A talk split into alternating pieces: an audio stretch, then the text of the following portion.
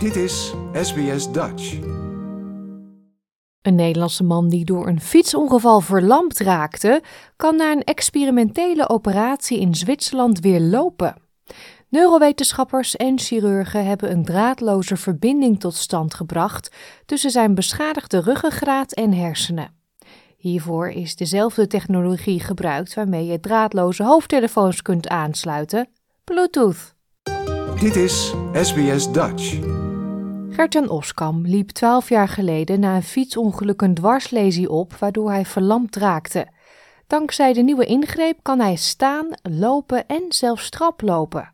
Within 5 to 10 minutes, I could control my uh, uh, hips. Like they were, re- like the brain uh, implant uh, picked up what I was doing with my hips. So that was uh, like yeah, the best outcome, I think, for everyone.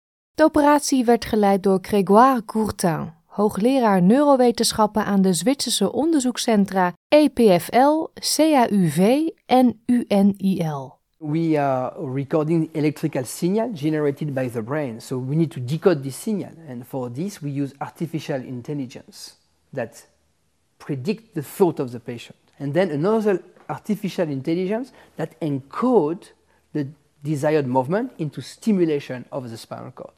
So of course, not, the patient is not walking normally as us, uh, able-bodied person, but you know we have some kind of a cyborg in a way that you know have artificial intelligence extracting information and enabling to restore digital communication.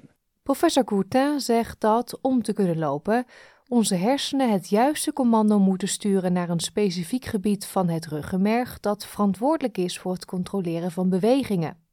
Toen Gert-Jan zijn ongeluk kreeg, ging deze communicatie tussen het ruggenmerg en de hersenen kapot.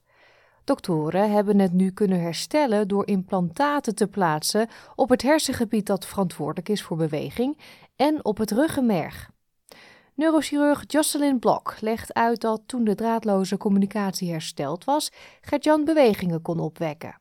We do two different surgeries. There is one surgery at the level of the brain.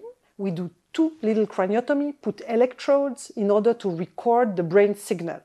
And another surgery at the level of the spinal cord where we put electrodes on the top of the spinal cord at the place that is responsible for leg movement.